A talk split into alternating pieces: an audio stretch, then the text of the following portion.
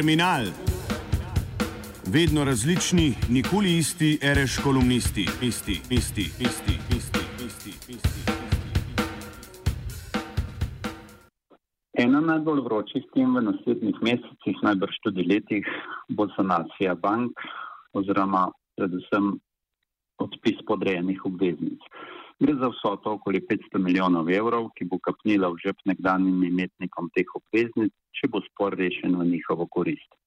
Zaradi takšnih materialnih interesov je seveda zanimanje in angažiranje vpletenih tudi ustrezno večje. Če bi bila posledica sanacije bank samo kakšna milijarda ali dve višji javni dolg, se danes ne bi s tem skoraj nihče ukvarjal. O tej temi sem v prejšnjem sestavku izpostavil nekaj osnovnih dejstev. Čeprav se zadeva predstavlja kot zelo kompleksna, temu niti ni tako. Spornih je pravzaprav 2,7 milijarde evrov dodatnih popravkov na bančne terjatve, ki so jih konec leta 2013 v organizaciji Banke Slovenije naračunali tudi cenilci.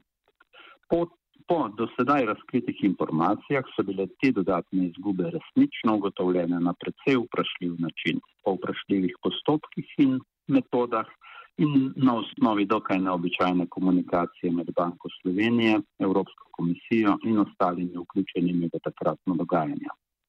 Eden ključnih očitkov vložene obtožnice proti zaposlenim v Banki Slovenije je tudi uporaba neustrezne metode vrednotenja. Zaradi tega obstaja precej upravičenih dvomov v ustreznost in upravičenost izračuna višine popravkov. Tudi zaradi tega, ker so vse revizijske hiše še nekaj mesecev predtem ocenjevale, da imajo banke na svoje premoženje oblikovani za dosti popravkov, brez teh dodatnih 2,7 milijarde evrov. In z vso odgovornostjo so v letna poročila zapisale standardno navedbo, da so računovodske izkazi v vseh pomembnih pogledih poštena predstavitev finančnega položaja banke. Tudi po kasnejših izračunih ekonomskega inštituta pravne fakultete naj bi bili ti dodatni popravki v celoti nepotrebni.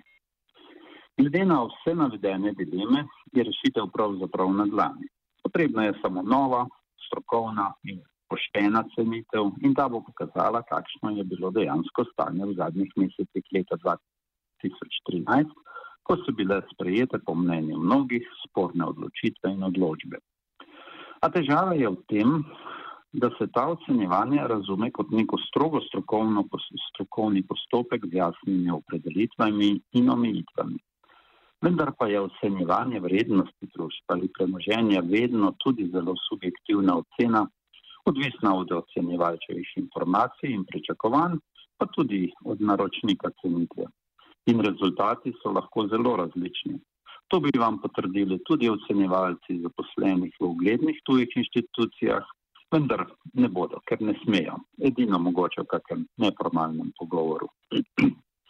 Vsa diskusija oziroma ves spor se bo torej vrtel okoli vprašanja, ali je bilo takratno ocenjevanje ustrezno in okoli pričakovanja, da bo novo ocenjevanje pokazalo bistveno boljšo sliko.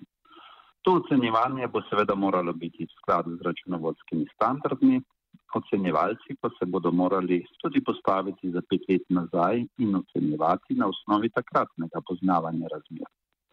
Postaviti se bodo torej morali v drugo polovico leta 2013, ko so bili v javnosti prisotni pozivi za prihod strojke in ko je naprimer Umar dodatno znižal ceno gospodarske rasti z minus 0 2 odstotka na minus 0,8 odstotkov za leto 2014. Dejansko smo potem imeli 3 odstotno rast. Vsekakor bo to ocenjevanje tako zaradi množice podatkov, gre za ocenjevanje celotnega portfelja vseh štirih bank, zaradi časovne oddaljenosti in tudi dostopnosti podatkov dokaj zahteven postopek z nepredvidljivim rezultatom. Vendar je pri tem zanimivo še nekaj drugega. Vse dileme in različni pogledi se ustavijo v letu 2013, na dan, ko se želi napraviti ponovni presek stanja. A banke so poslovale naprej in le nekaj mesecev kasneje so v bankah ter tudi v družbi za upravljanje terjatev bank oziroma slabi banki izvedli ponovno revizijo bančnega premoženja, tokrat v skladu z vsemi veljavnimi računovodskimi standardi.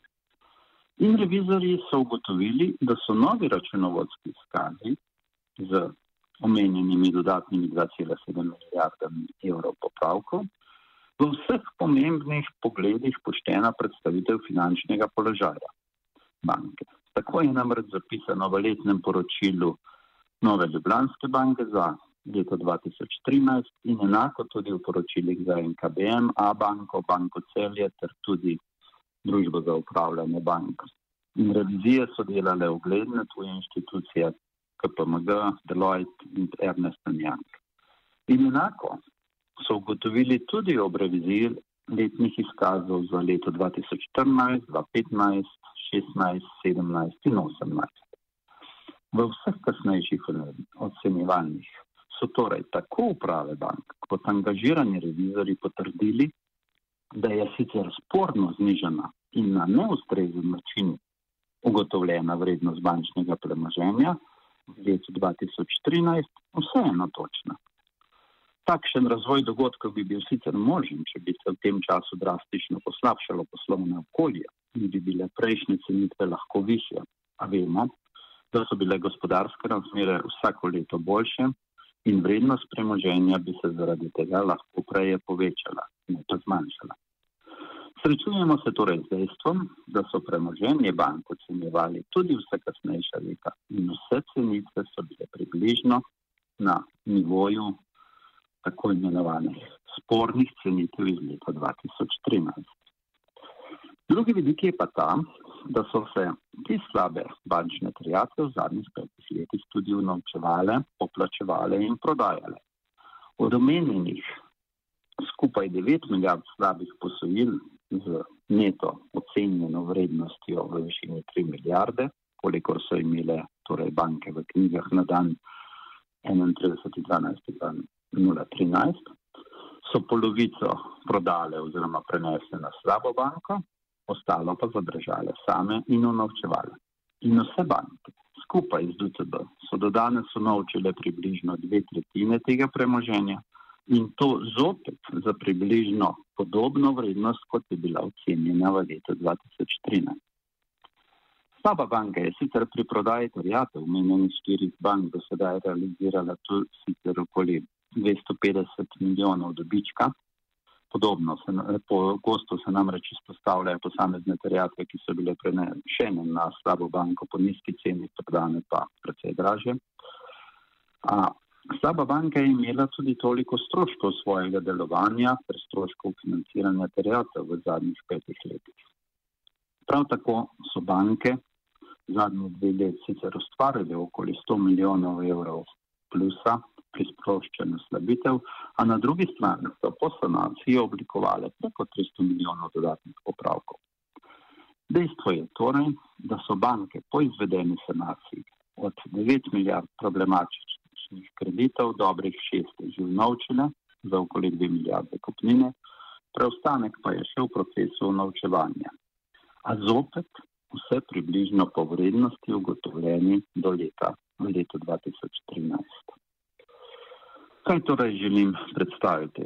Da se sicer lahko prepiramo, ali so bile sporne dejatve bank leta 2013 vredne 3 milijarde, takšna številka je bila po mnenju Banke Slovenije, ali 5 milijard, toliko menijo škodovanci.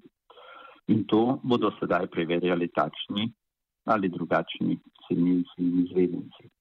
In sporno je tudi dejstvo, da smo v mestnem času to premoženje več ali manj prodali to pa približno za 3 milijarde evrov. Lahko sicer postavimo tezo, da je bila nižja kupnina posledica tudi nižje cenitve, a odgovorni v bankah bodo trdili, da so vse prodaje izvedene transparentno in po najvišje dosegljivih cenah. In kaj bo sedaj, če bodo naprimer novi cenilci ugotovili, da je bilo premoženje vredno 5 milijard? Kako bo sedaj lahko nekdo trdil, da je bilo premoženje vredno 5 milijard, če je bilo vmes po korektnih postopkih prodano za 3 milijarde. Bomo potem obtožili direktorje bank in slabe banke, da so naredili za 2 milijarde škode. Sveda se s temi dilemami danes nihče ne ukvarja, ker bi se predvsem danes samo zapletli. Poškodovanci izpostavljajo vrednosti iz leta 2013, kaj pa se je dogajalo kasneje, pa se nihče noče niti pogovarjati. S tem ne trdim, da je bila takratna cenitev Banke Slovenije pravilna in da je bilo premoženje res vredno samo 3 milijarde, kot trdi Banka Slovenije. A če oškodovanci trdijo, da je bilo vredno 5 milijard, v tem primeru bi bili nam več upravičeni do poplačila svojih terjatev, potem bi morali usporedno nadaljevati tudi aktivnost, ki je se je potem izgubilo preostali 2 milijardi. In kdo je za to odgovoren? Za terminal bi nekordež.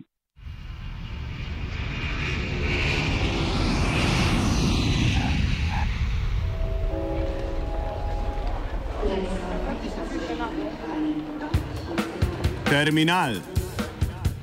Vedno različni, nikoli isti, reš kolumnisti, isti, isti, isti, isti, isti.